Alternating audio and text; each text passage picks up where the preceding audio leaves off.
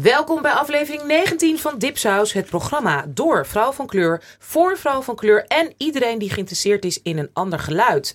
Wij zijn Anousha Nazume, Mariam El Masloui, Ebi Serau. En deze podcast is opgenomen op zondag 3 december 2017.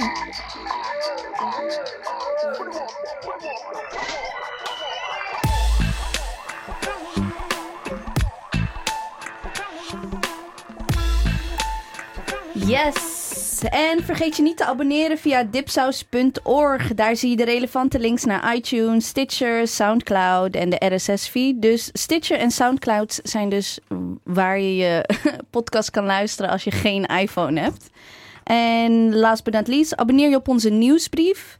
Vol leuke artikelen en onze fijne playlist. En laat de recensie achter. Graag een mooie recensie. Hey, wij gaan, uh, we hebben twee fantastische gasten die, ik nu, die we natuurlijk straks gaan voorstellen. Maar we hebben ook een nieuw item in onze podcast. Wij willen onszelf ook eigenlijk een beetje voorstellen. door middel van een paar dingetjes die wij deze week hebben meegemaakt. Nou ja, jullie kennen waarschijnlijk toch wel onze triple D's. Maar we hebben nu ook onze.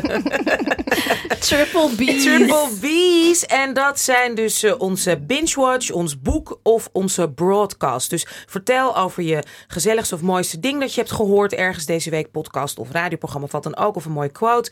Je, je favoriete of meest vervelende boek van deze week, of je meest fijnste of meest irritantste binge-watch. Dus ik ga nu meteen naar, ja, kijk jou al aan. Ik ja, ga ik naar Marjam. Ja, Marjam Sloeier. En ik ben aan het, ik ben een beetje aan het nep binge-watchen. Want binge-watch is toch als je in één keer alles kan afkijken. Maar dat kan helaas niet, omdat ik heel veel werk. Uh, maar ik ben The Sinner aan het kijken. Het is een, uh, gewoon alleen maar witte mensen. Uh, en heel veel moord. En eh, er is dus een vrouw. En die heeft een trauma. En het is dan Jessica Biel. Weet je, ik, toen ik haar zag, dacht ik van, gaat zij dat nou doen? Zij doet toch alleen maar romcoms en is getrouwd met Justin Timberlake. Dat is het toch? Oh ja. Ehm, maar zij wordt getriggerd door een liedje en steekt een man echt zeven keer neer op het strand. En nu gaat een, een beetje een, een, een, een, een, een investigator, die gaat erachter komen van hoe dat komt. Want zij weet het niet. Ze heeft er geen idee waarom ze deed. Ze heeft geen idee waarom ze getriggerd werd. Ze heeft geen idee waarom ze littekens op haar arm heeft.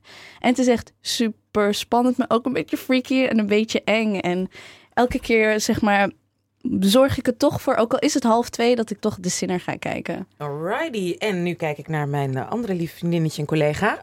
Epice hier. Um, wat ik, ja, ik heb eigenlijk heel veel, ik moet kiezen. Dus ik ga, denk ik, voor uh, niet binge watch, maar ik heb, ik loop nu al drie weken met het boek van Colson Whitehead rond, The Underground Railroad. Want hij is volgende week woensdag, 6 december, uh, in Nederland weer. En uh, hij heeft een belangrijk award gewonnen. I don't know which one. Er zijn heel veel belangrijke prizes. But he won one of them. En hij is een um, uh, black American writer. Uh, hij is bekend van Sag Harbor. Ik heb nog nooit een boek van hem gelezen, eigenlijk. En dit is een soort van zijn breakout hit geworden. Terwijl hij altijd wel critical, kritisch goed is ontvangen. Maar hij heeft nog nooit echt een bestseller gehad. En hij doet een uh, romans? Ja, gewoon fiction. Hij is een fiction writer. Maar um, ik, ik kom er gewoon niet aan toe. Ik weet niet waarom, want het gaat ook over de Underground Railroad. Dus het gaat over de slavernij. Uh, het heeft een beetje een magic realism to it. Maar ik kan me niet meer opbrengen om yet another American book te lezen. Ik weet niet wat het is. Ik, wil het, ik, wil, ik ga wel naar... Uh, uh, de lezing op woensdag, maar ik uh, weet het niet. Ik weet niet of ik er aan toe kom. Maar ik, nou, ik, ik loop eigenlijk meer dan een jaar ermee rond, by the way. Het is meegegaan naar Ethiopië vorig jaar, een jaar geleden. Net als mijn Ilias Gori. Precies. En ja, nu weer. Dus ik weet het niet. Ik, misschien heb ik nog drie dagen om te lezen. Okay. En jij, Anousha? Ja, ik, nou, Anousha en Zume hier. Ik, uh, mijn mijn uh, B is een broadcast. Ik, uh, prachtige podcast heb ik geluisterd. Of althans, prachtig. Het is een hele leuke podcast. Het heet THR, de Hollywood Reporter Awards Chatter. En die hebben hele leuke, geweldige interviews met, met, met schrijvers, met makers, met acteurs. Heel te gek vet interview met de maker ook van Get Out, van die film. maar ehm, ik, ik, de laatste tijd ben ik veel meer into to thrillers. Dat kijk ik heel erg veel. En eh, dus ik dacht, ik was heel benieuwd naar de podcast met Guillermo del Toro. Want hij is echt een intellectuele thrillermaker. En hij heeft nu dus een, weer een waanzinnige film die te hebben gemaakt, The Shape of Water. Daar vertelt hij ook over. Maar hij had zo'n mooie quote in die podcast die ik graag helemaal met jullie wil delen. Uh, hij zegt in die podcast letterlijk op een gegeven moment um, dat hij heel erg voor disobedience is. Want, zegt hij, disobedience is the beginning of thought and independence. Hm. Vond ik heel yes. mooi. Dus dat waren, ja, dat, zijn, dat waren dus onze BBB's.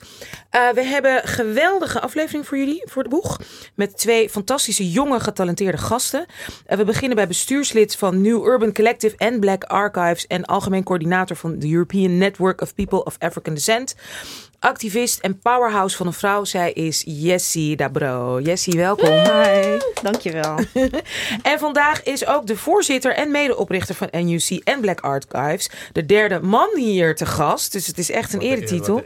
Wat een eer. Uh, nou, we hebben het over onze, onze Mitchell Esayas. Yes. En ook cultureel antropoloog of antropoloog? Of cultureel antropoloog? Antropoloog. En ook antropoloog. Dus nou, welkom bij ons. Dankjewel. Dankjewel. Ja, bedankt dat jullie hier zijn. We zijn echt heel erg, uh, ja, het is een big honor eigenlijk dat jullie hier enorm. zijn.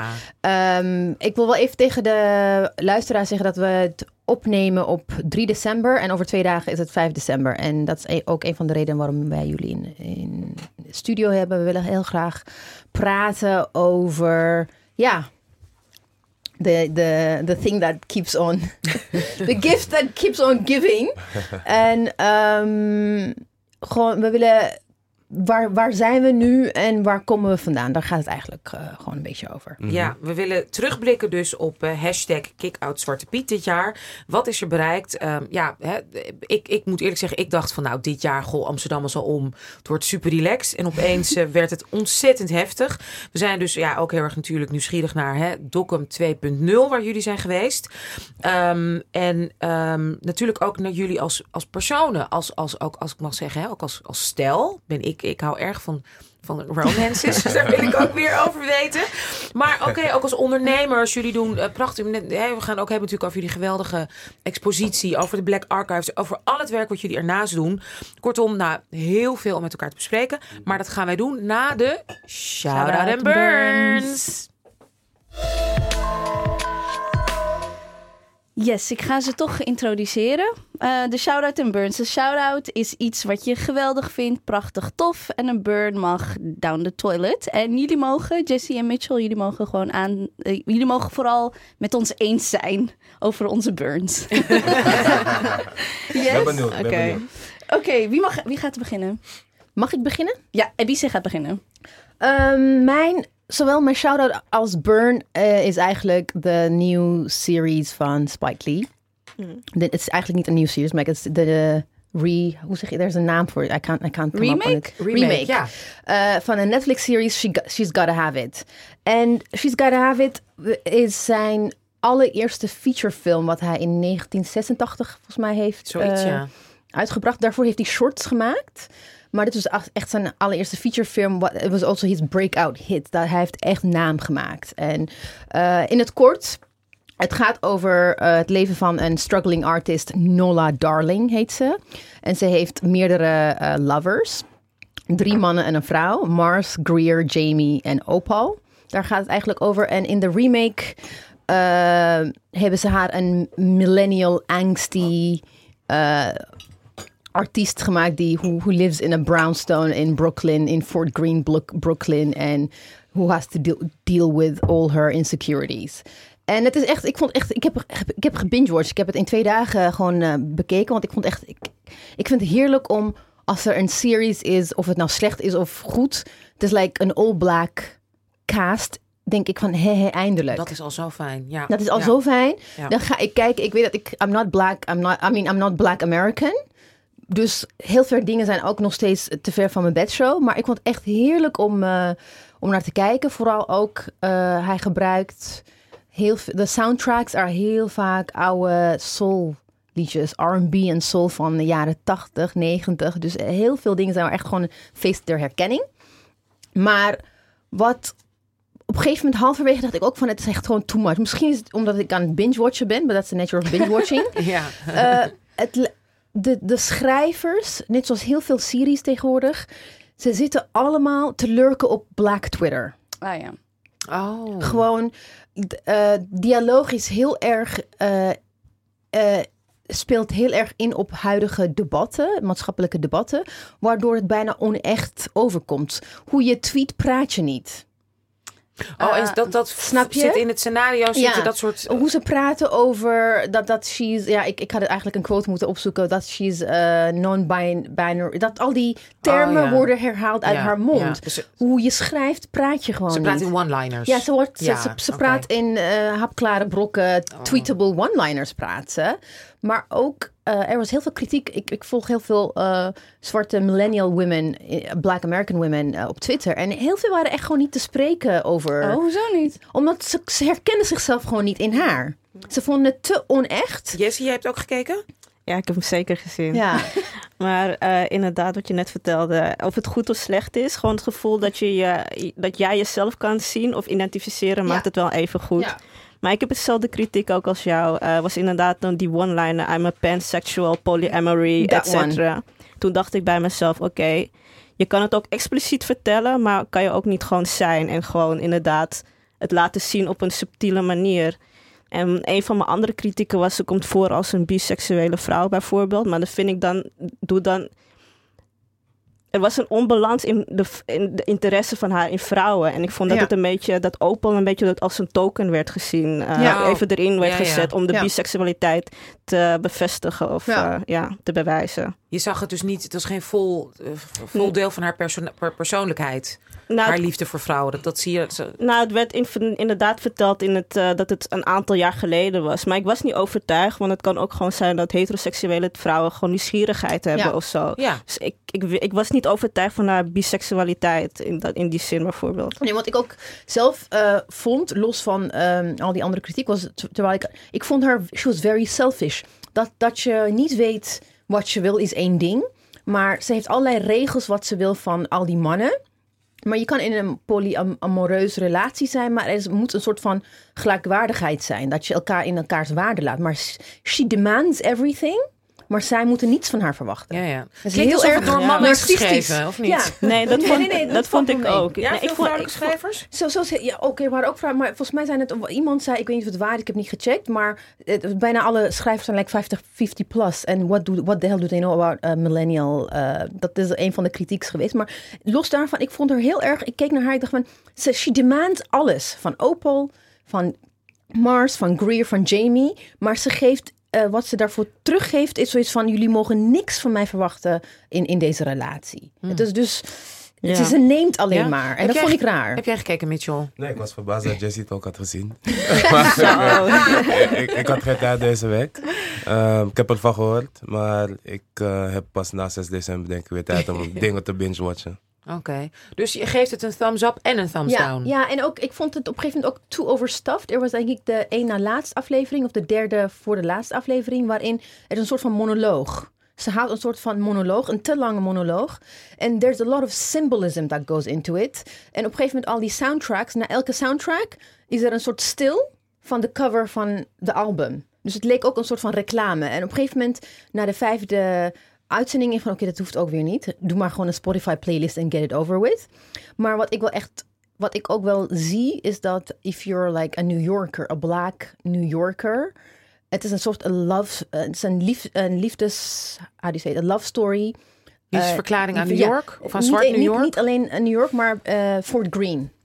Oh, Oké. Het echt Brooklyn, Fort Greene, hè? Brooklyn, Ja. Fort Greene, Brooklyn wordt op in alle in al haar mooie facetten wordt het heel mooi. Het is echt gewoon een love story. Het is eh, prachtig in die zin. Mooi om naar te kijken Ja, dus. mooi om naar te kijken. Alright. De hem op. van Ebize. Ik ga weer eh, een beetje afbouwen van de White People's Netflix. Ja, dus nou Marjam, en jouw eh shout-out en burn? Ah, ja, mijn shout-out is naar een documentaire van een Marokkaanse filmmaker, Nadir Bohemouche, eh, Paradises of the Earth. En hij was hier vorige week. En we hebben samen twee screenings georganiseerd. Eentje in eh, Erasmus Universiteit en eentje in Amsterdam, in eh, de Indische buurt. En dat was, en mijn shout-out gaat naar de screening in Amsterdam. Dat was 100% People of Color. Dat was echt heel fijn. Dat was echt 100%. 100%. University of Color was daar. Ehm, er was een Marokkaanse rapper was daar. Ehm, eh, op het begin waren er wel drie witte mensen, maar die moesten weg, want eh, op tijd. En, Het En, uit, loopt uit. ah, Nee, ik liep helemaal niet. Ik liep helemaal niet uit. Maar er was zo'n vervelend oud wit vrouwtje die zei zo van... Ja, we zouden toch om half twee beginnen. Toen zei ik, nee, nee, nee. In, in de Facebook de um, omschrijving staat dat dat inlopen is. Om twee uur beginnen we. Oh, nee, dat heb ik dan niet gelezen. En wat is de ondertiteling? Ik zo, dat stond ook in de omschrijving, mevrouw. Het is eh, Engels ondertiteld. Oh, nou, dat had ik niet geweten. En toen wilde ik echt... Dat moet je lezen. People don't read. Words mean things.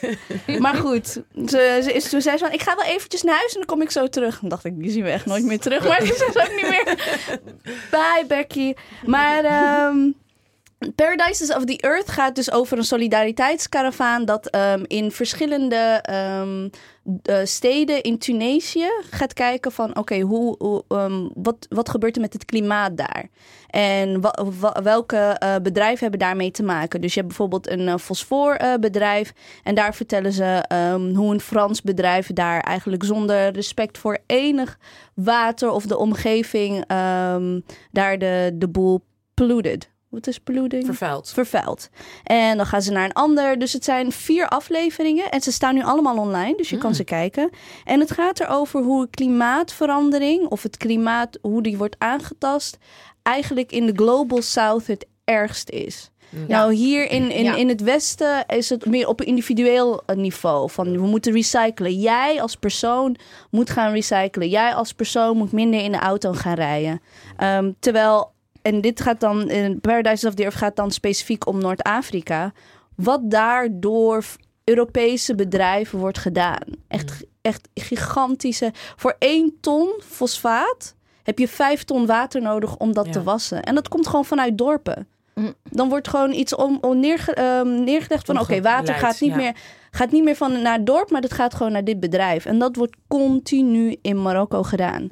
Eh, Marokko, Algerije, Tunesië... maar er waren ook een paar van University of Color... en die kwamen uit de... ehm, eh, volgens mij kwam er eentje uit Curaçao. Oh, en die hadden het over het Caribisch gebied... en hoe hetzelfde daar wordt... ehm, hoe, hoe hetzelfde gebeurt daar. En ook in Zuid-Amerika. Hoeveel parallellen daarin in zijn ook. Dus wij als Global Southerners ehm, zouden eigenlijk het meest bezorgd moeten zijn, maar ook als Europeanen daar ook veel meer de verantwoordelijkheid in moeten nemen. Want het zijn dus westerse bedrijven, maar dan wel in samenwerking met de regeringen in, het land ja. zelf. Ja, dus- eh, regering nou ja, whitewash, zoveel- eh, whitewash het eigenlijk in een Ja. manier van... Kijk, bijvoorbeeld in Marokko is er zero tolerance voor plastic tasjes bijvoorbeeld. Ook al zou je ze willen kopen, je kan ze niet vinden. Ehm, dat was dan een maatregel voor klimaat, tegen klimaatverandering, want we moeten de wereld redden. Maar ondertussen... Hmm. ehm, wordt kan water omgeleid. Wordt ja. water omgeleid? eh, wordt, er, Ja. wordt er water vervuild? Dus, dat, en, dus het is mijn shout-out en burn ook. Mijn burn gaat echt naar een neocolonialism. Je ziet En- bedrijven die eh, nu allerlei eh, ehm, eh, beleid opzetten om het te greenwashen. En nu hè, zichzelf presenteren als van, hé, kijk, ons nog bezig zijn met duurzaamheid. Ja. Terwijl het eigenlijk maar, alleen maar om hun eigen belang gaat. Ja, groen voor de poen. Precies, groen voor de tegen poen. Ja, we zijn groen, maar we zijn groen voor de poen. Exact. Omdat ze anders het risico lopen dat mensen in opstand komen. Ja. Precies. Dus wij rijden hier in Tesla's. Mhm. Ja. Omdat dat goed zou zijn voor het milieu. Maar ondertussen worden al die materialen komen Precies. waarschijnlijk komen Ja. uit het continent van Afrika. En Ja. wordt daar de boel helemaal... Maar ook met CO2-uitstoot. er is toch een soort elk jaar of zo. Nee, niet elk jaar, maar er is een soort officieel ehm, een, een, een bestand. Een CO2-bestand waar eh, alle landen een x aantal percentage CO2 zouden uitstoten. Maar het schijnt dus dat juist Europe, Europe en Amerika het meest vervuilende Zeker. landen zijn, Ja. aan, ehm, areas zijn in, in de wereld. Terwijl, inderdaad, wat je zegt, ehm, de, de Global South daar veel meer last van heeft. Ja, want Ja. ook via bedrijven doen Ja. ze het dus ook in andere landen. Ja. Waardoor zeg maar, het verantwoordelijkheid is van dat land. Terwijl het is via westerse Ja. Kijk, er is bijvoorbeeld een heel, er is een duidelijke link tussen de opstanden in, in Noord-Marokko, wat een visserstad is. En waar een visser dus ehm, uit, uit wanhopigheid naar zijn, naar zijn inkomen is gaan gedoken en uiteindelijk dood is gegaan. Dat heeft te maken met een Europees deal dat is gesloten met Marokko. De zeeën van Marokko zijn voor denk ik 14 miljoen per jaar ongeveer. Somalische piraten ook, hè? Ja, die zijn dus voor Ja. 14 miljoen euro per jaar is dat verkocht. Dus er is geen vis meer. Ja. Jeetje. Want dat ge- En dat geldt ook in Somalië. In Somalië is ook, wordt ook, eh off the coast of Somalië wordt gewoon, eh, met huge ships wordt er daar gewoon gevist, waardoor de lokale eh, visboeren gewoon niet aan hun quota's komen. En they, they, start, they started the whole pi- piracy ja, dan krijg je dus Robin Ja. Hood eigenlijk. Ja. In het eh, binnenland dat er enorm veel goud wordt gewonnen door Amerikaanse en Canadese be- bedrijven. Die vervuilen het water met Ja. kwik. En Ja. hè, met name de binnenlandse bewoners die leven van het water. Ja. Dus ook daar zie je gigantische eh, ja, catastrofale gevolgen voor de mensen in het binnenland. Dus overal ter wereld zie je het. Ja. En hier in het westen Ja. verdienen bedrijven eraan. Ja, en die zijn dan het meest woke als het gaat om Ja. eh, klimaatverandering. Mhm. Daarom geloof ik niet in al die fair, tra- fair trade dingen. Het is gewoon bijna onmogelijk om, om echt gewoon fair dingen te ontwikkelen. Er zijn heel veel mensen die roepen van bijvoorbeeld ook eh, fair trade, fa- fair De phone. Fairphone, ja. de fair phone, Waar dat ik schijnt dus dat het dus niet fair te zijn. Ik hoop dat het fair Het is sowieso niet fair voor, de, ja. voor, voor die Ja. metalen zijn sowieso niet fair. Dus En na een of andere eh, artikel eh, heeft de maker gezegd van ja, we, we beogen fair te zijn. Ja, dat is een marketingpraatje Oh. gewoon. Tony. Chocoloni. Tony Ja. Chocoloni ook. Ja. Ja. ja. Is wel lekker, maar...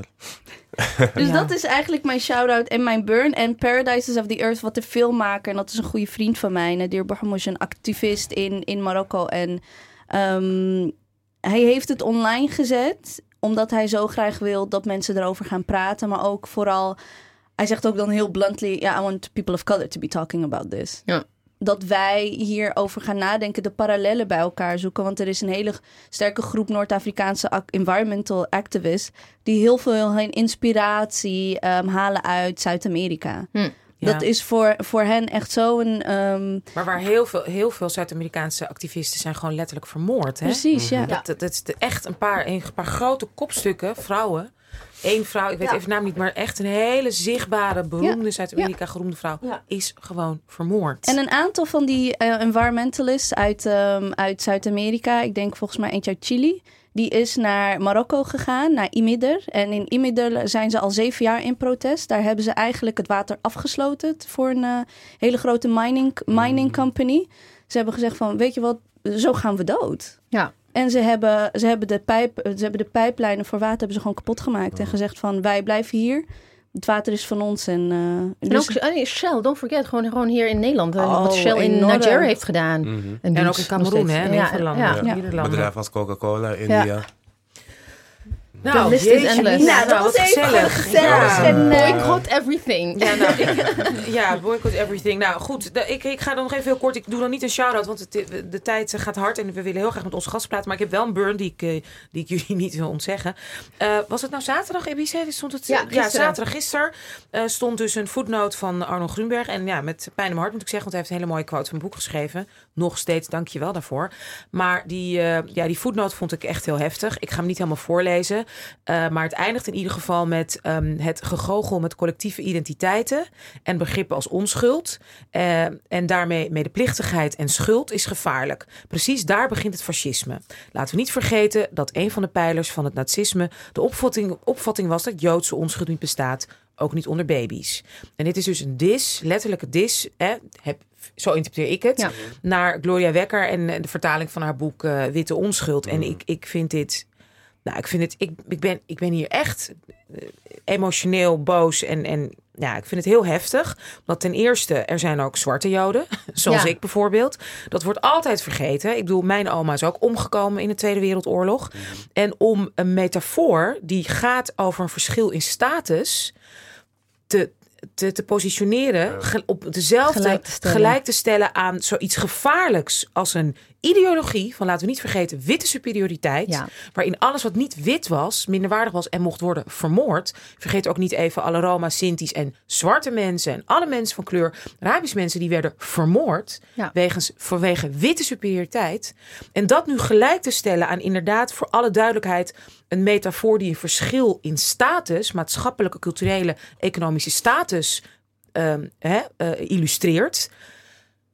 Ik, ik, ik ben letterlijk, ik, eh, ik zit gewoon echt te trillen daarvan. Ja. Dat eh, onze grootste Nederlandse intellectueel, zoals hij hè, wordt genoemd, ehm, daarmee komt. Daarmee komt. Ja, Ik vind dat, wacht even hoor, Ja. even uitpraten. Ik vind dat echt heel erg heftig. En het is ook lui, want hij heeft het een jaar geleden heeft hij ook zoiets gedaan. Ik, ga, ik, ik wil het niet te veel aandacht Nee, geven. Maar ik, ik vind dat heel erg kwalijk en heftig. En het laat zo ontzettend zien, kennelijk, volgens mij, waar we het natuurlijk ook over gaan hebben, die woede die er is. Er is echt een speciale soort woede. Ehm, jegens als African people from African descent, West African descent of East African, in ieder geval bezuiden de Sahara, als die voor zichzelf opkomen. Ja. Daar is een speciaal soort haat tegen. Ja. En dit is daar zo'n ontzettend voorbeeld van. En, het, En dat het breekt ja, echt helemaal mijn hart. En het grappige is, ehm, tenminste, eh, ik heb, eh, AUP heeft het boek van eh, Gloria Wekker uitgegeven, de, tenminste de vertaling daarvan. En eh, in hoofdstuk 6 gaat ze juist in op wat eh, Arno Groenberg dus een jaar geleden heeft eh, geschreven over dat onuitwisbare schuld. Ja. Hij is niet de enige. Iedereen vond dat zij dus riep dat alle witte mensen een onuitwisbare schuld hebben. En ja. ze legt in haar boek uit, hoofdstuk 6, pagina 246 en 247, lees het. Daarin legt ze uit dat ze dat niet bedoelt. En dat ze ook zegt dat het een rare reflex is wat nog meer... eh, eh, reflectie nodig heeft. En ze zegt van, nou, she's not an expert in that. Ze, ze heeft met mensen gesproken die daarover gaan. Maar ze, wat je net zei, van dat rare woede, Die beschrijft woede, ja. ze wel. Ze Oh, zegt wel, ik, ik, ik, heb het, even voor alle duidelijkheid, ik heb, haar, ik heb de vertaling nog niet gelezen. Dus Doe- dat nieuwe hoofdstuk ja. heb ik ook nog niet gelezen. Ze zegt, eh, ze zegt, ook dergelijke suggesties zijn echter, en dat is belangrijk, symptomatisch voor de bestaande machtsverhoudingen. Het zijn witte mensen die de marges bepalen van en de voorwaarden voor wanneer bondgenootschap mogelijk en wenselijk is. In de receptie van het boek blijft de Pavloviaans en onproductieve schuldvraag een centrale struikelblok dat veel mensen verhindert zich echt met de inhoud van het boek bezig te houden. Ja. Enough said. Enough said, want dat, Ja. zo gaat dat, ja. Dus, eh, nou ja, goed. Dit is denk ik wel een goede, ehm, eh, eh, hoe zeg je dat? Bruggetje. Bruggetje naar onze gasten.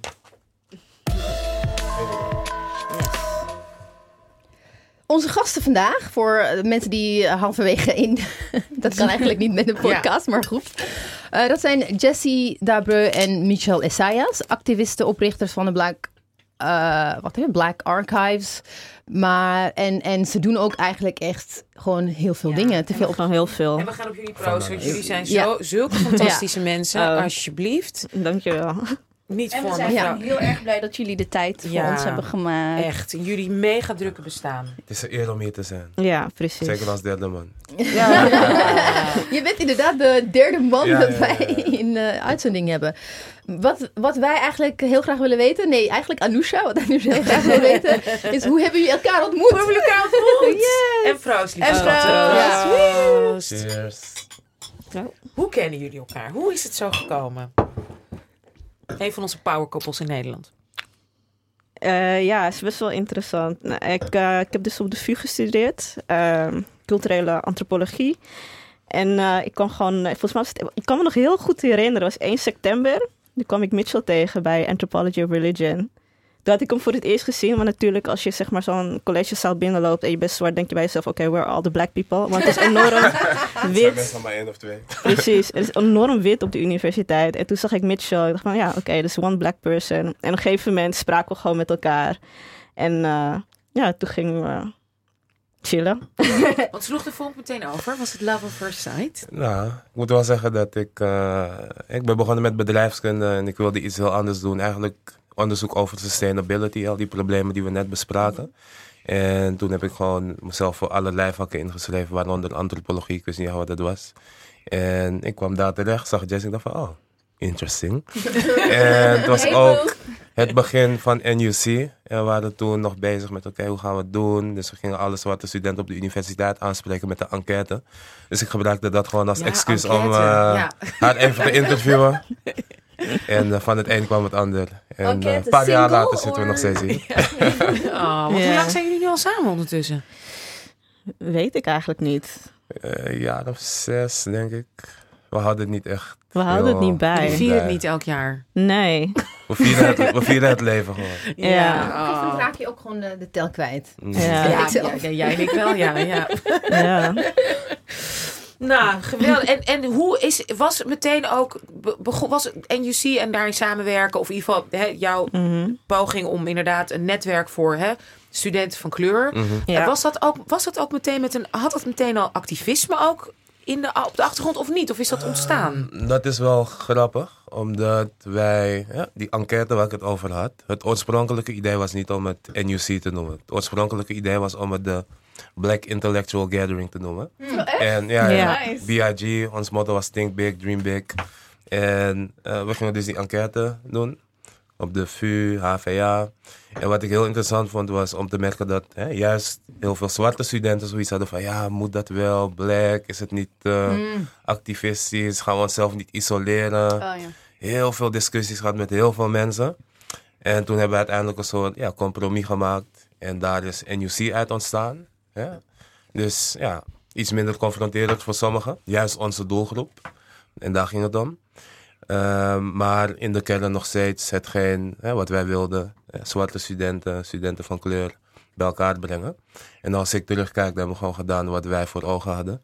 En het is zelfs groter geworden dan we hadden durven dromen. Nou, ik heb een andere versie. Ja. Maar het is ook goed om te horen. Kijk, ik, denk dat, ik ben ook dus bij de New Urban Collective. Ik ben nu bestuurslid, maar ik ben begonnen als vrijwilliger. Werd ik commissielid, eh, een paar projecten opgezet. En nu sinds, ik denk een paar jaar bestuurslid nu. 2011 zijn we begonnen. En ik had het gevoel, denk ik, tenminste vanuit mijn perspectief...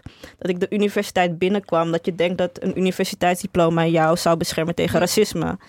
En Ja. met Ah, dat ja. idee ging je ook bijvoorbeeld eh, naar school. kwam ik Ja. ook in een New Urban Collective... waar eh, we ons heel erg bezig hielden met... ehm, being young professionals also. En dat de Mhm. arbeidsmarkt, carrière, Carrière. maken, et cetera. En dat het-. Precies, en dat het Mhm. ons wel zou lukken. en uiteindelijk ja. kom je toch steeds tegen dat statistieken en data er daar niet naar uitwijst dat er geen gelijke kansen zijn.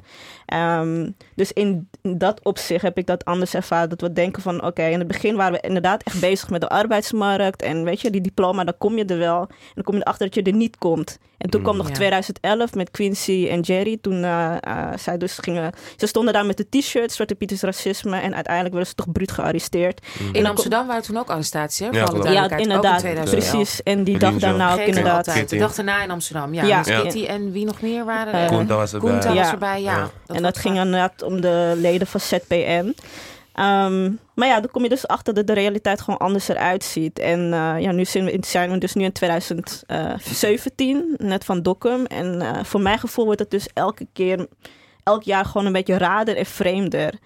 Ehm, nou ja, we zijn dus net eh, een paar weken geleden weer terug van Dokkum. Eh, ik heb dus naar gekeken en ik denk ook bij mezelf van... We, dachten dat het een schoolreisje zou zijn, weet je? Net Ja. als à la Leuk Meppel. busje. Ja. Precies. we, we zijn begonnen in snel heen en 2014 weer. in Gouda. Toen zijn heel veel mensen gearresteerd. Eh, In 2015 zijn we naar Meppel geweest. Zaten we zeg maar in een soort kooitje. En dan Ja. gingen we vreedzaam demonstreren. Ik dacht dus à la Meppel gaan we daar naartoe. Maar eh, nou, je ziet maar hè, dat, hoe de democratie zichzelf uitwijst. En dat je gewoon ziet dat de democratie anders eruit ziet voor mensen van kleur. Dus eh, we begonnen inderdaad met arbeidsmarkt, educatie. En nu zijn we gewoon dat we denken, oh, ja, het gaat om institutioneel racisme. En dat een universiteitsdiploma of wat diploma je ook hebt, je niet zal redden. Ja. Maar dat is zo erg, want als je nou kijkt naar jullie studenten, want ik, ik, ik ken jullie organisatie ook al lang, ook al vanaf 2011 volgens mij. Voor het eerst heb ik contact met jullie gehad en ook al in 2012 al iets gedaan. Ehm, hoe, waar zijn nu, kan je dan inderdaad, als je het hebt over invechten, zijn er drie, vier studenten die je kan noemen? Ja, nou precies, die zijn inderdaad toen en toen afgestudeerd.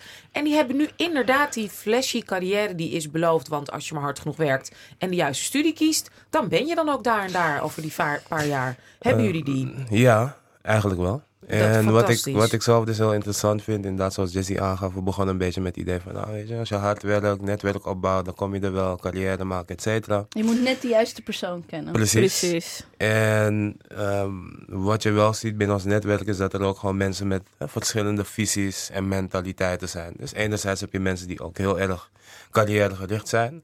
Ehm, dus ook hè, zwarte mensen, studenten, professionals die zeggen van ja, moet je wel zoveel bezighouden met dat zwarte Piet gedoe. Weet je wel, kan je niet beter gewoon richten op je carrière? Kijk, heb je diploma's?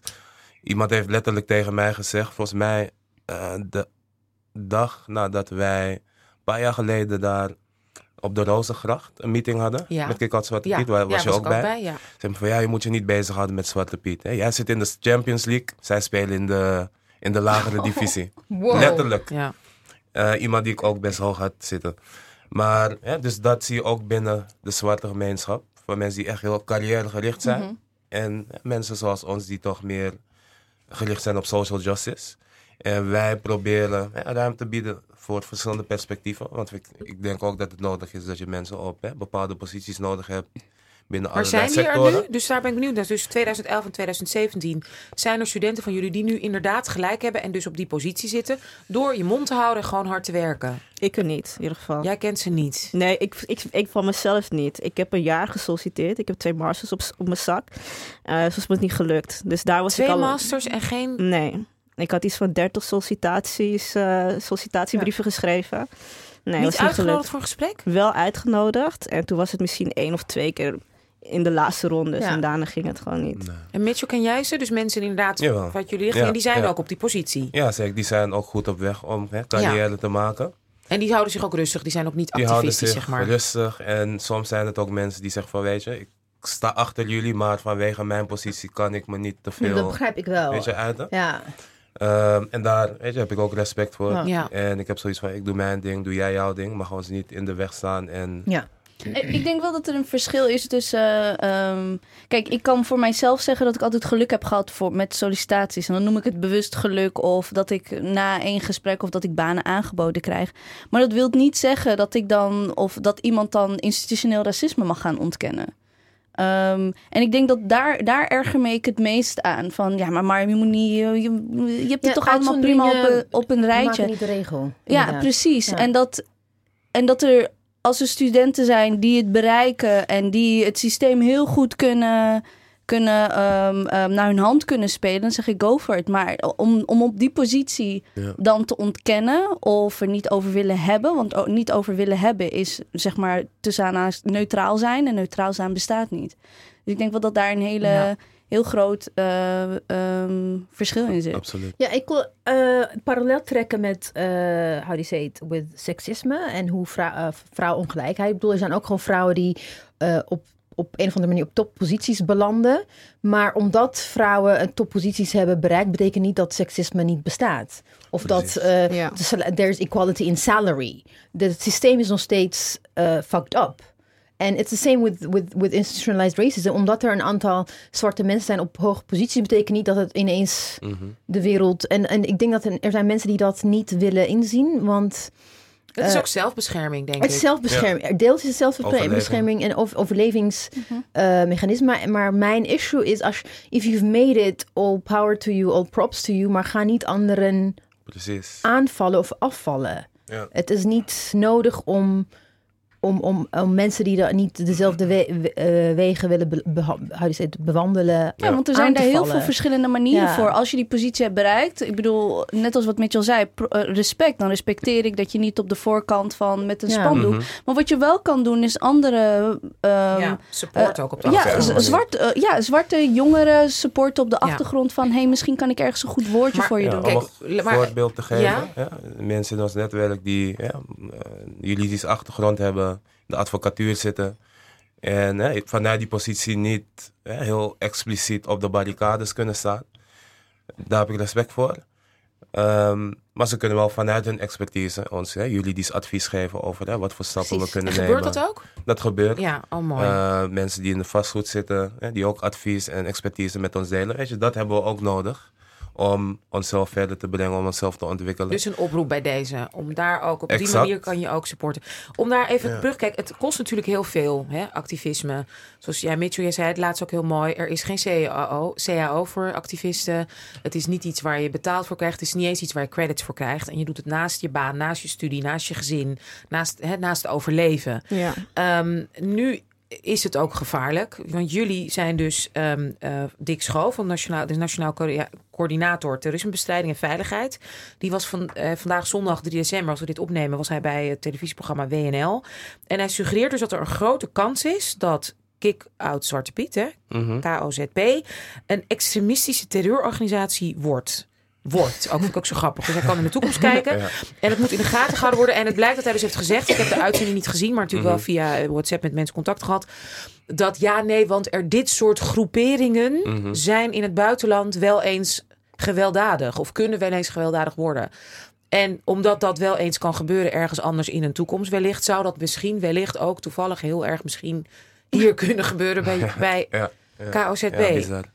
Wat, wat, wat, wat, is dit? Want dit is zo geva- framend, ja, gewoon gevaarlijk. Hoe, Ehm, aan de ene kant is het heel bizar en verrassend. Aan de andere kant, als je kijkt naar de geschiedenis van hè, zwarte activistische groepen, emancipatiebewegingen, dan is het eh, niks nieuws. Ja, je ziet het bij bijvoorbeeld hè, de Civil Rights Movement. Eh, Malcolm X, de Black Panthers werden allemaal geframed, gecriminaliseerd als terroristische of radicale bewegingen. Zelfs Nelson, Mandela stond tot in de jaren 90. 2008 2008, tot notabene, 2008. op een lijst als terrorist. Dus aan de ene kant zie ik het ook als een compliment. maar goed, Nelson Mandela eh, heeft ook, was ook een part of, van een gewapende tak van het verzet. Eh, eh, Ik bedoel, begrijpelijkerwijs. Eh, Jullie hebben niet Nee, Dit nu is niet. een groep dat vrijwilligers, mensen die ik zeggen. naast werk studie doen, Ja, die op altijd op vreedzame manier in overleg met autoriteiten proberen vreedzaam te protesteren tegen een racistische karikatuur. Dus het is toch heel iets anders? ja, klopt. En hè, daardoor zie je dat een patroon wordt herhaald waarin hè, zwarte mensen die opkomen voor hun rechten, mensenrechten, burgerrechten, tegen racisme, voor gelijkheid, worden gecriminaliseerd eh, om ja, geweld vanuit de staat of controle en repressie vanuit de staat te legitimeren. Ja. Ja, Dus. Ik denk dat dit een voorbode is voor mogelijke maatregelen die de komende jaren genomen zouden kunnen worden. Dus dat er, een, pro- dat er zeg maar maatregelen genomen kunnen worden om dat kick-out Zwarte Piet bijvoorbeeld niet, mag, niet meer vreedzaam mag demonstreren ergens? Ik denk het zelfs nog erger. Ik ben bang van wat zijn de gevolgen van zo- zo'n uitspraak, van zo'n eh, rapport eh, op onze eigen veiligheid en leven. Eh, Ja. wat, wil, wat wil men hier legitimis hoe zeg je dat? Legitimiseren? Ja, precies. En Eh, kan, je, kan je daar verder over? Wat, Nee, waar, waar precies, wat- jij voor? Wat Mitchell precies zegt, van, eh, als je bijvoorbeeld kijkt naar eh, de arrestatie van Jerry Afrier in 2000, was het 2014 in 14. Gouda, Ja. waar extreem geweld werd gebruikt. eh, en dat alsnog werd gezien dat terwijl hij vecht voor zijn leven, dat werd, werd gezien als verzet. En volgens mij zei hij heel erg mooi in, zijn, in een van die rechtszaken over. ehm, hij bracht de zaak van Mitch Henriquez naar voren. Van weet je, wat zou Mitch Henriquez vandaag de dag nog hebben gezegd als hij nu nog leefde? Gewoon het idee dat eh, zo'n rapport eigenlijk voor mijn gevoel eh, mijn veiligheid en misschien mijn leven in gevaar kan brengen. Want wat wil jij hiermee, eh, hoe zeg je dat, legitimeren? Ehm, en vooral als Mitch nu praat over staatscontrole en repressie, vind ik dat heel erg eng. Maar dat is toch echt heel eng? Wat ik ook heel bijzonder vind, is dat het, dat, eh, het, het wordt gezien als een extremistische terreurorganisatie. Mogelijk, ook, ja. ook, je mogen ook suggereren dat het één organisatie is met eh, eh, een bestuursstructuur waar je you have leaders en dat is het niet. Het is echt gewoon elke keer weer is het een coalition of the willing. Ja, verschillende mensen uit verschillende lagen van de eh, samenleving komen bij elkaar bij, tijdens demonstraties om, om, om ehm, tegen racisme te protesteren. Dus het is het idee dat het ook als één organisatie wordt gezien, is, is vind ik gewoon best wel beangstigend. Want Heel beangstigend. Nee, maar sterker nog, gewoon ook al, al inkleden. Ja, zou kunnen worden. Ja, Ja. precies. Jullie zeiden het niet, maar het wel zou wel kunnen. Dus Ja. moeten we dit of dat doen. En wat ik dus ook maar heel wat gev- betekent dat voor jullie toekomst nu? Want dit is, dit is, dit is heel zorgelijk. Nou, wat ik dus ook heel gevaarlijk vind, is dat dit wellicht gebruikt kan worden. Hè, wij worden Ja. heel veel hè, geprovoceerd. We waren gisteren in Dokkum en dan zie je altijd van die pro-pieten die dingen lopen te roepen, pepernoten gooien. En het is eigenlijk een wonder dat de afgelopen vijf jaar, dat er vanuit ons nooit geweld is gebruikt. Ter zelfverdediging. Ja, als je wordt geduwd, geslagen, dat we toch kalm blijven. En stel dat er één persoon ja, zijn kalmte Inderdaad. verliest en misschien één tikje teruggeeft, kan dat alleen al gebruikt worden om geweld tegen de hele groep, de hele beweging te legitimeren. En ehm, ja, preventieve zogenaamde veiligheidsmaatregelen eh, te gebruiken. Hè, Ja. Dat bij wijze van spreken wij eh, op de dag van de intocht voordat het überhaupt plaatsvindt, al worden gearresteerd als preventieve Ja. maatregel. Zo ver kan het denk ik gaan. Maar dat is precies wat in, wat in... Hè, mijn moeder komt uit Rusland. Hè, ik, ben, ik ben in Rusland geboren. Wat in Rusland gewoon gebeurt met wetboek in de hand. Mhm. Maatregelen treffen van tevoren. Mensen oppakken. Ja. Monddood maken. Precies. Zowel journalisten als activisten als kunstenaars. En op een legitieme, Ja. wettelijke manier. En dit is ook gewoon wat Mitchell, wat jullie allebei zeiden. Dit is history again. Zo, zo gaat Ja, het dus heel vaak. Het wordt eerst wordt er gekeken van how does this become law? Hoe Ja. kunnen we dit, hoe kan dit eh, backed up worden, onderbouwd worden vanuit de wet? Want als we het hebben over die onderliggende woede, waar dat vandaan komt, is omdat je de vinger op een hele zere plek legt. En dat is white supremacy in Nederland en Ja. globaal. Dus hoe meer je daar ga- aan gaat zitten en pushen, dan bijvoorbeeld dat, dat we vo- vorig jaar dachten van, nou, dan, dat, wat in Maasluis is gebeurd, zal nu echt niet meer gebeuren. Ehm, ik, ik zie het in die zin van. Hoe meer er wordt gepusht, hoe groter de groep wordt. Want eerst was het een aantal jaar geleden waren het toch gewoon een paar gekke mensen, weet je, die, Ja. die moeilijk deden over Zwarte Piet. Nou, je ziet een klein beetje de boel veranderen. Nou, een klein beetje dan heb ik het echt eigenlijk alleen maar over Amsterdam. Want ik heb in Rotterdam, Leiden, Den Haag heb ik volledige Zwarte Pieten gezien. In Amsterdam En- ook hoor. Twee, twee bakkerijen. Waar ju- Nee, maar de Ja. intocht heb ik Nee, dan de, Ja, intocht. de officiële De- intocht, de, dat officiële wel. intocht Ja, is daar helemaal, was Abu Talib gewoon met Ja. een, een, een, Ja. een Zwarte Piet. Maar ze zijn het wel aan het afbouwen. In heel veel steden. Oh. Ja. Ja. Nee, maar, ze zijn, nee, maar dat is wel Dat echt. Dus het is dat wel, wel. dit, is Ja. wel de bedoeling dat het verandert. En ook in, zowel in, in het noorden van Nederland, laten we niet vergeten, als in Limburg, in kleine plaatsjes, waren er ook al intochten, intochten met roetvegen. Het is niet alleen En maar dat heeft volgens mij meer te maken met individu individuen die op dat moment een keus maken. In plaats van dat je journalisten, dat je zogenaamde intellectuelen hebt die activisme, eh, activisten op enige manier in een artikel, wat dan ook in bescherming Maar nemen. dat is wat wordt er gebeurt. gedaan. Er wordt gelijk getrokken, dus inderdaad geweld. Eh, Geweld wordt gelijk getrokken. Hè? Dus een school binnendringen. Met, roepen, ga terug naar eigen land. Ja. Wordt gelijk getrokken met een ludieke actie als s'nachts een deur dichtlijmen. Ja. Dat is niet hetzelfde. Ja. Ja. En inderdaad hetzelfde als, als in die... Dan ga ik toch weer terug naar die fijne voetnoot. Is ook niet... Je kan dit niet met elkaar vergelijken. Precies. Een metafoor die je gelijk, die ongelijkwaardigheid laat zien... kun je niet gelijk trekken met een systeem... waarin miljoenen mensen zijn vermoord... Mhm. wegens... Hè, om wit, wit te verdedigen. Dat, dat is niet... Ik vind het... Ik, Ja. ik blijf...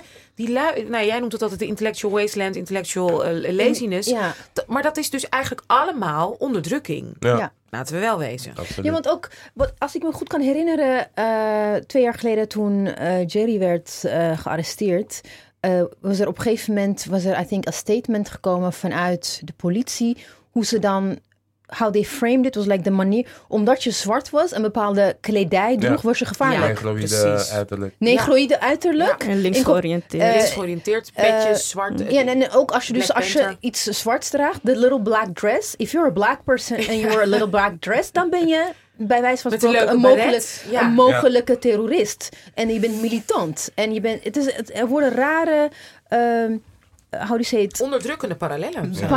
Maar, ook beschrijvingen ge- gebruikt om, als je, als je zwart bent, dan ben je per definitie gevaarlijk. Exact. Maar dat is toch ook een heel Ja, oud Ja, het is een heel oud eh, eh, ja, principe. Ja, patroon. principe, maar het, is, het herhaalt zich elke keer weer. Want ik bedoel, wat is, militant, wat is een militant uitzien? Wat, wat zijn de kleuren van militair? is groen. For fuck's Ja, sake. ook dat. Nou, Weet om je? een voorbeeld te nemen. Gisteren hè, waren we dus terug naar Dokkum.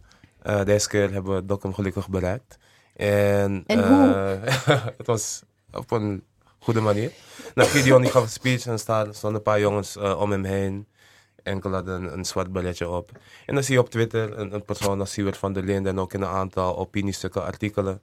Daarnaast stonden er heel militant bij in Black Panther patches, die gewelddadige terroristische groep. Ja. En dat kan je dan zien als weet je, mensen die maar een domme mening delen. Maar daarmee weet je, creëer je toch wel een soort narratief en Ja, retoriek. precies. Die heel veel mensen als waarheid aannemen.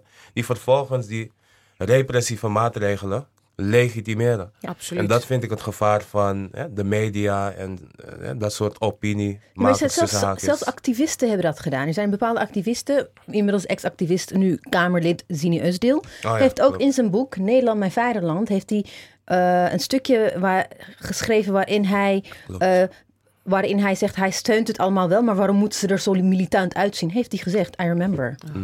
Dus dit is, het is een heel rare manier van blackness. Weer, ook niet criminaliseren. vergeten dat het al is gebeurd, hè? ja. De, wat Mitchell hier naast me vertelt. Want als we kijken naar de arrestaties vorig jaar in Rotterdam... werd behoorlijk veel eh, politiegeweld gebruikt. Ja, maar Sluis is niet gehaald. In Rotterdam Precies. moesten jullie eruit, uit de bussen gehaald, geslept letterlijk. Precies, dus eigenlijk is het al gewoon al realiteit geworden... dat die, dat geweld al gelegitimeerd wordt. Mhm. Ja. Ja, Ik- ik wat, weet- wat, wat is nu de volg wat, wat, wat moet er gebeuren volgens jullie? Wat, waar gaan we nu naartoe? Wauw. Om heel eerlijk te zijn, ehm, vanochtend eh, stelde iemand de vraag van... Hè, maar waarop is dit gebaseerd? En toen antwoordde ik van... Waarop is wat gebaseerd? De, de, het dreigingsbeleid van eh, inderdaad... eh, van, terrorisme. van terrorisme, ja. inderdaad. Eh, Nationaal Coördinator Terrorismebestrijding en Veiligheid. Ja. Mhm. Precies. Ehm, het is gewoon gebaseerd op gewoon angst. En de angst dat we op dit moment de macht moeten herverdelen. En eh, ik denk dat dit gewoon een heel mooi moment is om te laten zien dat we Nederland een spiegel voorhouden. Dat de democratie helemaal geen democratie is voor alle mensen hier in het land. Dus aan de ene kant, ja, we moeten hier ook doorheen. Ik ben ook, ja, ik probeer ook mijn angst te bedrukken, want je moet gewoon moedig zijn op dat moment. Maar ehm, aan de positieve kant, ik, als ik kijk bijvoorbeeld naar Malcolm X, Angela Davis, waren ook allemaal gearresteerd, ook meegenomen terroristische lijst. Maar, ja, maar dit- Malcolm X is wel vermoord. inderdaad, dat is heel heftig. Nelson, En, eh, eh, ik bedoel, eh, hoe heet die? ehm, Martin Luther King Martin is Luther vermoord. inderdaad. En ehm, dat, zijn, dat zijn- is de angstjagende hiervan. Eh, zoals ik al eerder vertelde, is het zo, wat is een effect van zo'n rapport op het leven van mensen die sociale verandering opeisen en Ja. een nieuwe democratie opeisen dan het oude. Ehm, ja, dus ik probeer gewoon moedig te zijn hierin. En ehm, Is jullie familie niet ontzettend bezorgd? Ik bedoel, als ik Mm, jullie ouders was, dan ik zou echt Ja, ja. heel bezorgd zijn. Mijn, mijn vader stuurde me eergisteren nog een appje vanuit Suriname van hey, wees voorzichtig. Net zoals Ja. hij is heel, heel kort. hey, wees voorzichtig. Oké pa. En mijn moeder eh, ook wel een beetje. Maar aan de andere kant zijn ze ook heel trots. Nee, ook, Dus- maar ook en jouw ouders, Jessie? ik heb mijn moeder, dat ik, de eerste keer dat ik naar, eh, naar, naar een demo ging, was in 2014 in Gouda. Toen had ik er niet verteld. Had ik gezegd, ga naar een meeting. Want ik ga altijd naar meetings. Ik ben echt 24 uur bezig. En toen had ik gezegd, ga naar een meeting. Dat had ik het niet verteld. Maar ehm, ze heeft het nu wel geaccepteerd dat ik dit wil doen. En het gevoel van, dit moet je ook doen. Hm, Dus ze zei, ja. Mooi. Ik vind wel echt heel belangrijk dat we dit gesprek ook in die ernst hebben besproken. Want we zijn al daar helemaal voorbij. Het, we zijn in, niet meer van, oh oké, nee, we gaan het leuk hebben over waarom het eh, uitleggen, de ABC uitleggen waarom Zwarte Piet racistisch is of wat dan ook.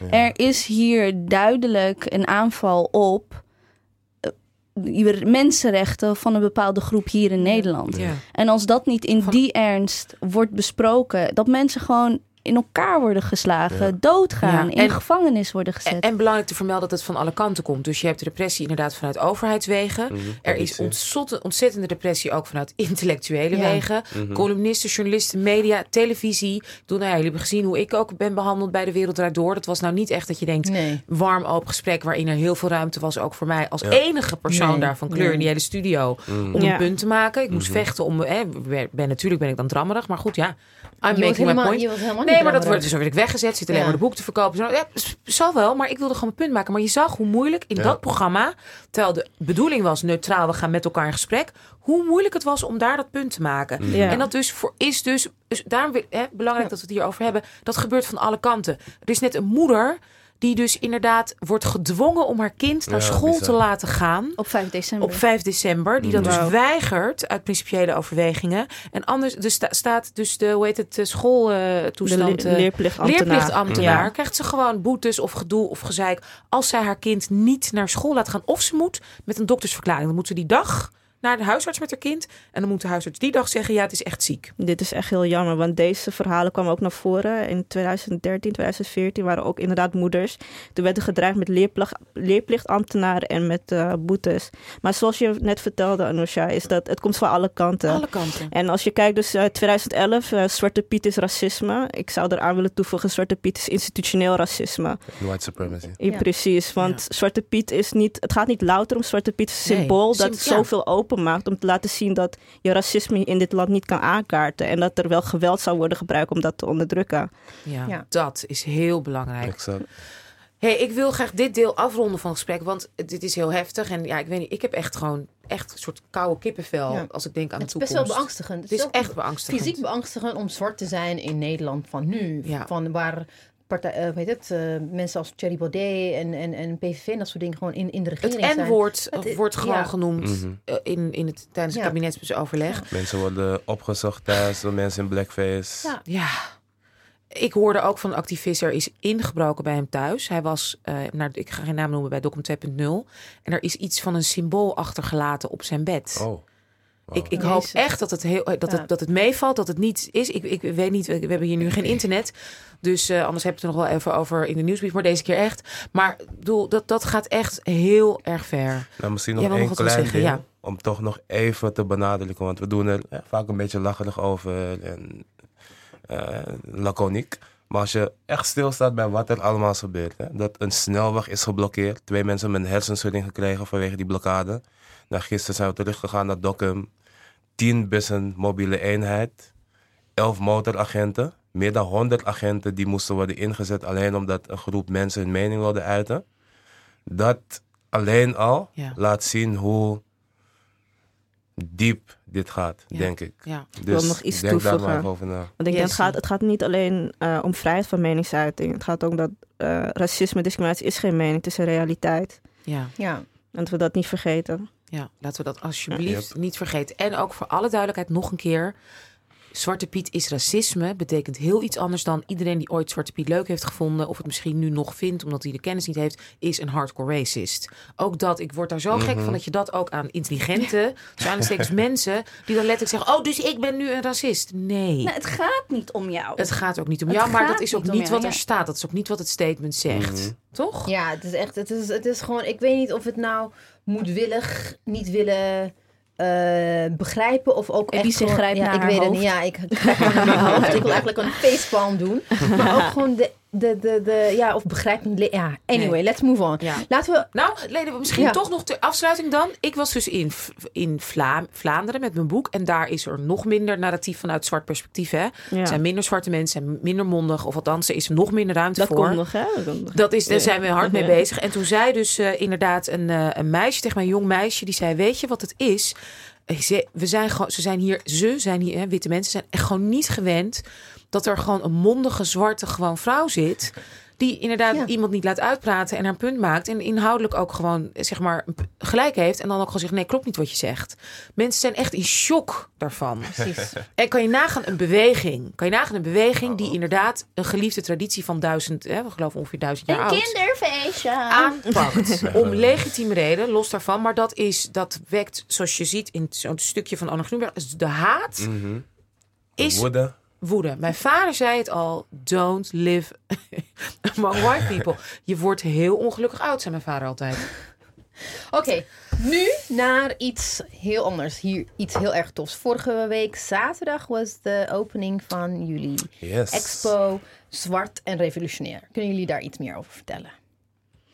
Ja, ehm, ik zal even eerst beginnen met de Black Archives. Want Ja. de Black Archives is een eh, jaar geleden gestart met het idee van... ehm, we praten heel veel over eh, sociale vraagstukken. En er is geen literatuur of bijvoorbeeld over slavernijverleden of het eh, koloniale, ver- eh, koloniale verleden.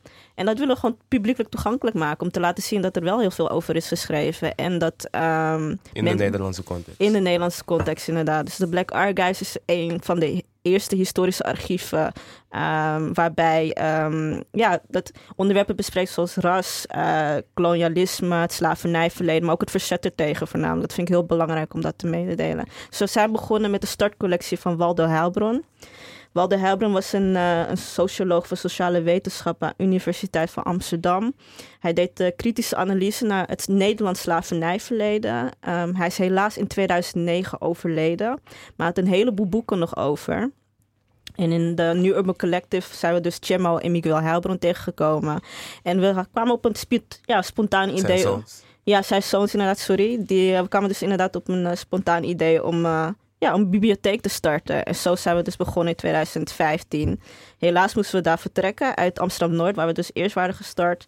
En kwamen terecht in het uh, gebouw van Vereniging Ons Suriname, waar we een nog een grotere schatkamer vonden van uh, ja, historische archiefstukken, artefacten. Um, dus dan niet alleen vertelde over uh, het koloniaal verleden en slavernij, maar ook voornamelijk het verzetten tegen. En dat laat zien dat wat er nu gebeurt in 2011, of uh, 2011 tot 2017, de anti-Zwarte Piet-beweging, dat uh, wordt gezien als een tweede golf racistische beweging in Nederland. En dan had je dus de eerste met Philomena Asset en Gloria Wekker in de jaren 80 en 70. Maar dat we een langere traditie hebben aan verzet. En uh, dat is iets waar ik heel erg trots op ben. Oh, geweldig. En daaruit voort, uit die Black Archive, zo kwamen jullie ook op... Uh, op het hoe nou? Otto en Hermina en, en Otto, Otto. Huishoud, Wat een inderdaad. mooie titel trouwens. Zwart. heeft- En Black and Revolutionary. Ja, klopt. En nee, wat Jesse aangaf, we zijn eigenlijk best toevallig erop gestuurd. Hè. We, we hadden gewoon ruimte nodig en we kwamen toevallig, volgens mij via Quincy, terecht bij ons Suriname. in Prachtig gebouw, by the way. Heel mooi gebouw inderdaad. Historisch gebouw. Historisch gebouw, eh, black-owned gebouw, ook belangrijk om eh, te, ver- ver- te benoemen. En eh ze hadden ruimte op de derde verdieping. En toen we daar aankwamen, begin 2017, was het gewoon één grote chaos eigenlijk. Het was één grote rommel. Maar goed, we hadden ruimte nodig. Iedereen weet dat het in Amsterdam heel moeilijk is om ruimte te vinden. Dus we hebben toen een deal met ze gesloten. Waarbij we zeiden van nou, als wij jullie helpen met opruimen, dan kunnen wij onze boeken erbij plaatsen. En toen we begonnen met het opruimen van de rommel, kwamen we erachter dat er dus heel veel bijzonder materiaal lag. Hè? Letterlijk verborgen geschiedenis. Waaronder dus een collectie boeken en documenten van Hermina en Otto Huiswoud. Die dus twee zwarte Huiswoud? revol- Huis- Huiswoud. Huiswoud. Oh, Ja, Die eh, ja, twee zwarte revolutionairen waren. Eh, Otto uit Suriname, Power couple. een koppel inderdaad. Zeker. Eh, die zijn geboren Otto in Suriname, Hermie in Brits-Guyana en uiteindelijk via een hele omweg New York, Moskou, Jamaica in Amsterdam zijn beland. Ze hebben elkaar in Amerika leren kennen. Klopt, Ja. in Harlem. Ja, in Harlem. Mhm. Ook één ding wat ik wel eventjes eh, aan wil toevoegen, wat ik echt heel erg blij van werd. Ja, je had er, you have to go, Anusha, because of your communist Ja, tuurlijk. background. Eh, Otto was, hier staat, hij was de enige zwarte oprichter van de communistische partij van de VS. Ja. Ja. Ik had geen idee. Ja. Like, Ja, Ja, die bestaat nog steeds. Ja. Nog steeds- Ja. Zeker. Ik heb een Ja, keer documentaire, ja, die zijn echt, die, die komen dan nog steeds bij elkaar, gewoon echt soort van half underground. ja. En dan gaan ze zo de internationale series aan. Heel ontroerend. Ja. En tot wanneer kunnen mensen naar de expo? Tot eh, eind februari. En wat laat de expo allemaal zien? Dus hun, levensverhaal, hun werk. Ja, het begint eigenlijk inderdaad over de tijd. Eh, kijk, het activisme waar we nu over praten, kan je niet loszien van eh, een bepaald verleden. Vaak is dat slavernij koloniaal verleden. Dus het begint inderdaad in die jaren hoe dat activisme is aangewakkerd.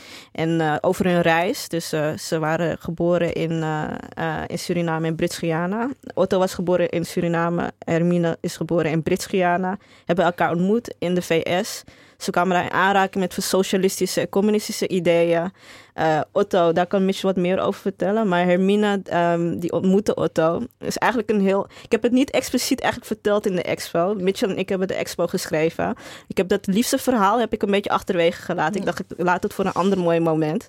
Maar ze hebben elkaar daar ontmoet. En dat vertelt eigenlijk over hoe het, het activisme... hoe ze elkaar hebben ontmoet en hun activisme aanwakkerden. En hoe ze samen de hele wereld reisden... om eigenlijk een internationale verzet te creëren.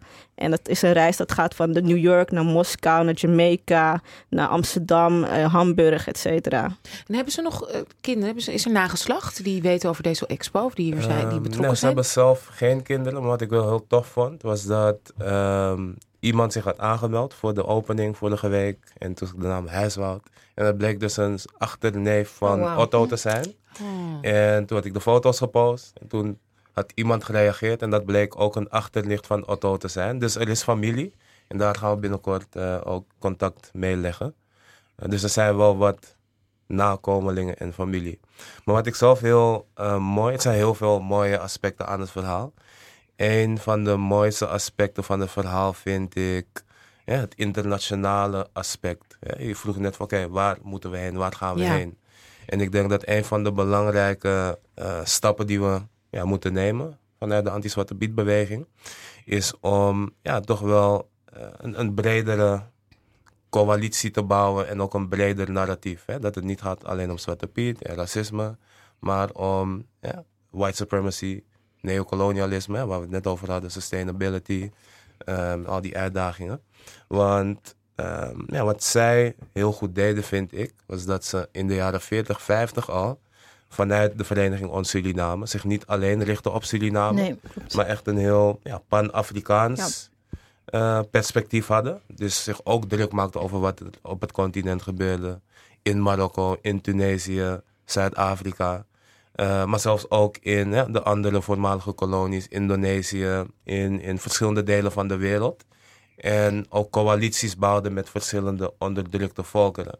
En dat doen we denk ik nu nog te weinig. Ja, Ja, want, mooi. eh, Daar gaan we dus volgens ja. jou naartoe.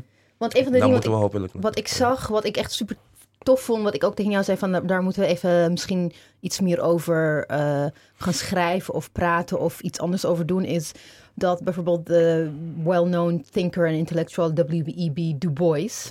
Ja. het is niet Dubois, is Frans, maar het is Du Bois. Du Bois, Amerikanen zeggen Du Bois. Ah, Die was in 1958 heeft die Ja. vereniging ons Suriname bezocht. Hij was gewoon in. Nederland. Dus there was, back in the days, er was eh, al contact tussen de civil rights movement in Amerika en civil rights movement in Nederland. Terwijl Ja. eh, Suriname nog eigenlijk een kolonie was. Mhm. En heel vaak wordt tegenwoordig eh, black people verweten dat wij Amerikaanse ideologieën importeren. Alsof dat, alsof die, die wisselwerking en eh, uitwisseling van gedachten al niet bestond. Het is En niet mag zijn. Ik bedoel, gebruik het woord ook- manager. Vind ik altijd zo leuk. Van, ja. Ja, multinational. manager, multinational, het mag allemaal sustainability. Nee, maar ook het there was an international movement Ja. of, of black thinkers. Ja. Dit, weet Paul Gilroy heeft een boek over geschreven. Is Black wel, Atlantic. ja, de Black Atlantic. Dat als je dat concept gewoon even... Ja. Ik kan het niet uitleggen, want het is echt heel ingewikkeld om uit te leggen. Maar het hele idee van... There was always the Black Atlantic as in North America and Europe. Black people. There was altijd...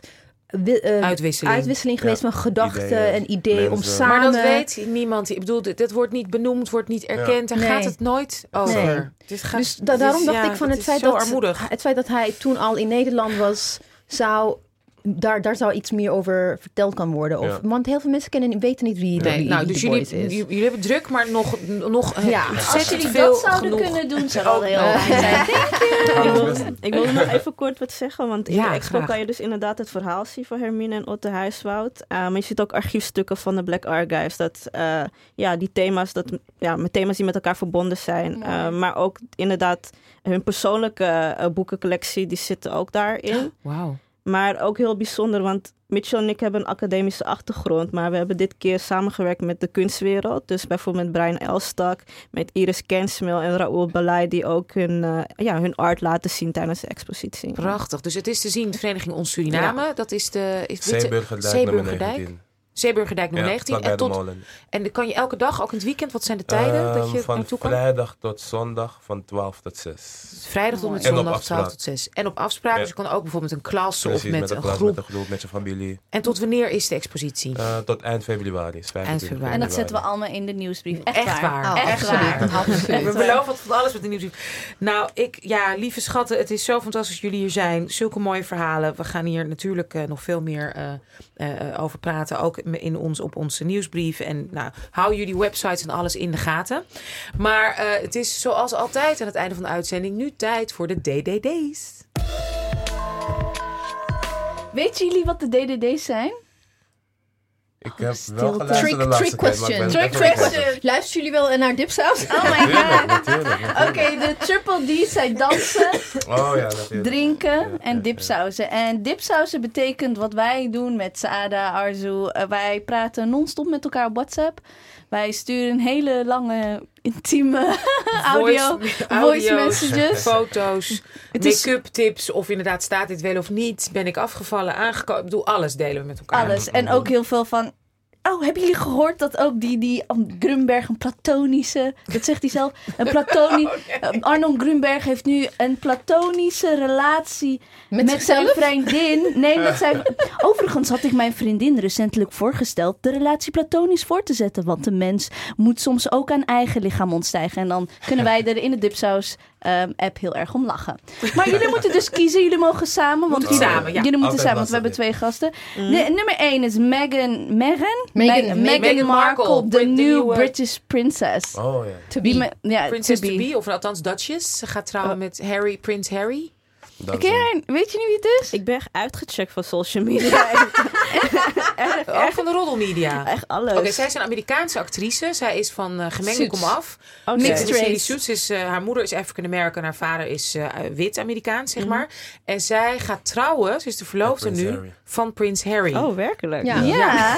En zij is ouder en gescheiden, dus nou. ja. ja. Dus ouder dan hem is ook gewoon... Nog erger dan Diana. Heel Ja. veel witte, eh, witte Engelsen worden helemaal gek daarom. Werden, ja, Precies. Hij Oh. heeft, en toen ze net met elkaar. En wat, zo, wat, wat ze gingen net met elkaar niet eens zo lang. Maar toen de media ging heel geleden, erg racistisch los op Oh, haar en ja. seksistisch.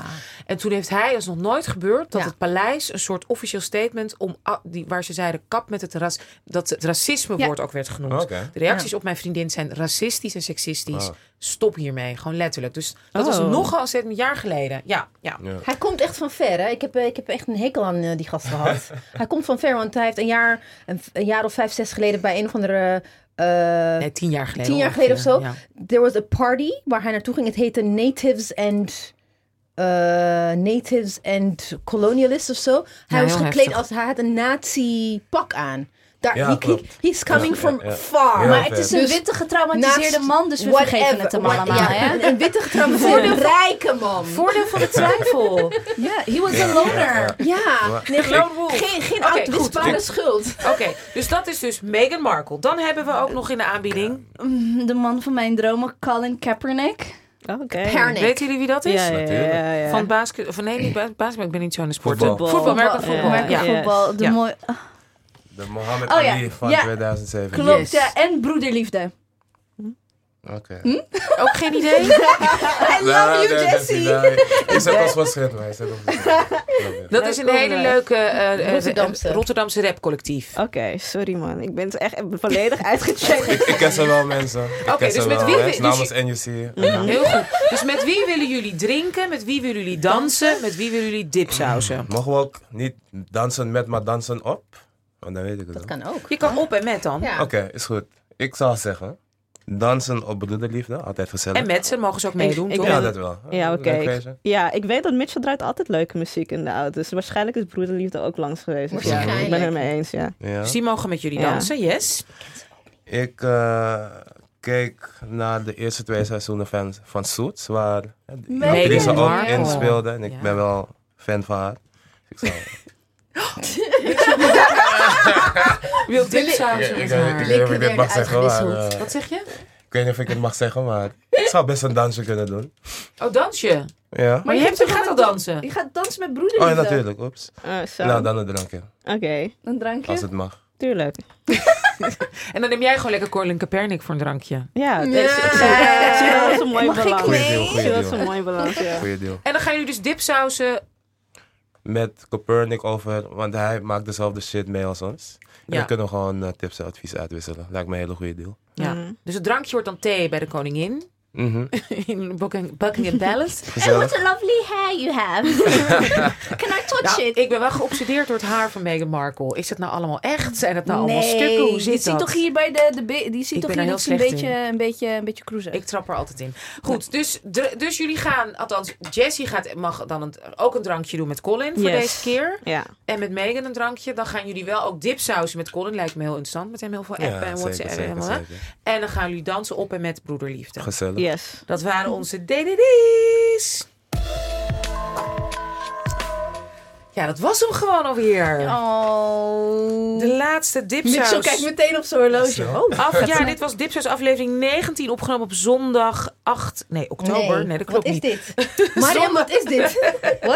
Zondag 3 december in de Salto Studio. We willen jullie ontzettend danken allemaal. Oh, we, hebben, we moeten even onze sponsors Sponsor? natuurlijk Oh, ontzettend jee. bedanken. Laten we dat nu meteen met heel veel liefde waren dat doen. ook alweer? SVDJ, nog steeds toch? Eh, ja. Ja. SVDJ, absoluut nog steeds. Wel de laatste van het SVDJ, dank jullie wel. Dank jullie Ja. wel. Eh, Salto, inderdaad, dat we hier mogen opnemen. Dus eigenlijk geen sponsor. Dat is geen, we betalen Nee, gewoon. we betalen Maar gewoon. Fijn dat we hier zijn. Democratie. Dus eh, Stichting Democratie en Media. Dus dankzij Stichting Democ- Democratie... Hebben we een website. Die Hebben we een niet mee aan de, aan de aflevering. Nee, hebben we wel hele mooie... ehm, kunnen wij blogs en eh Dipsaus exclusives posten. En opgezwollen. Voor onze Voor de chill. Ongezwollen is wel echt ons sponsor. ja, we mogen dit, Ja. dit, lied van, zo heet ook eh, Dipsaus. Oh. Wat jullie horen elke keer, gewoon Is dat, Dipsaus tune is tune. Dipsaus. Van, van Opgezwollen. En we willen natuurlijk onze lieve technicus slash regisseur, voor mij nou, regisseur bedanken. David Julie, thank you, thank you. Dit was de laatste dipsaus van het jaar. Wij gaan heel hard ons best doen om door te gaan. Maar het is heel erg spannend, omdat ja, Shmoni. It's, about, it's all about the shmoney. Yep, yep, yep. Dus zijn er nog rijke voetballers, rijke mannen die zich niet echt willen uitspreken, maar wel willen supporten? Yep. Support Dipsaus. Yes, Sponsor support, Dipsaus. support. Ja, en dan mag ook een drankje met mij of eh diner. Ja, precies. We Dat is Marjan, allemaal... dat ja, is jij geeft je lichaam wel een keer, toch? Voor Dipsaus. Hey, lieve Nou, schatten, proost op 2018. jullie. Cheers.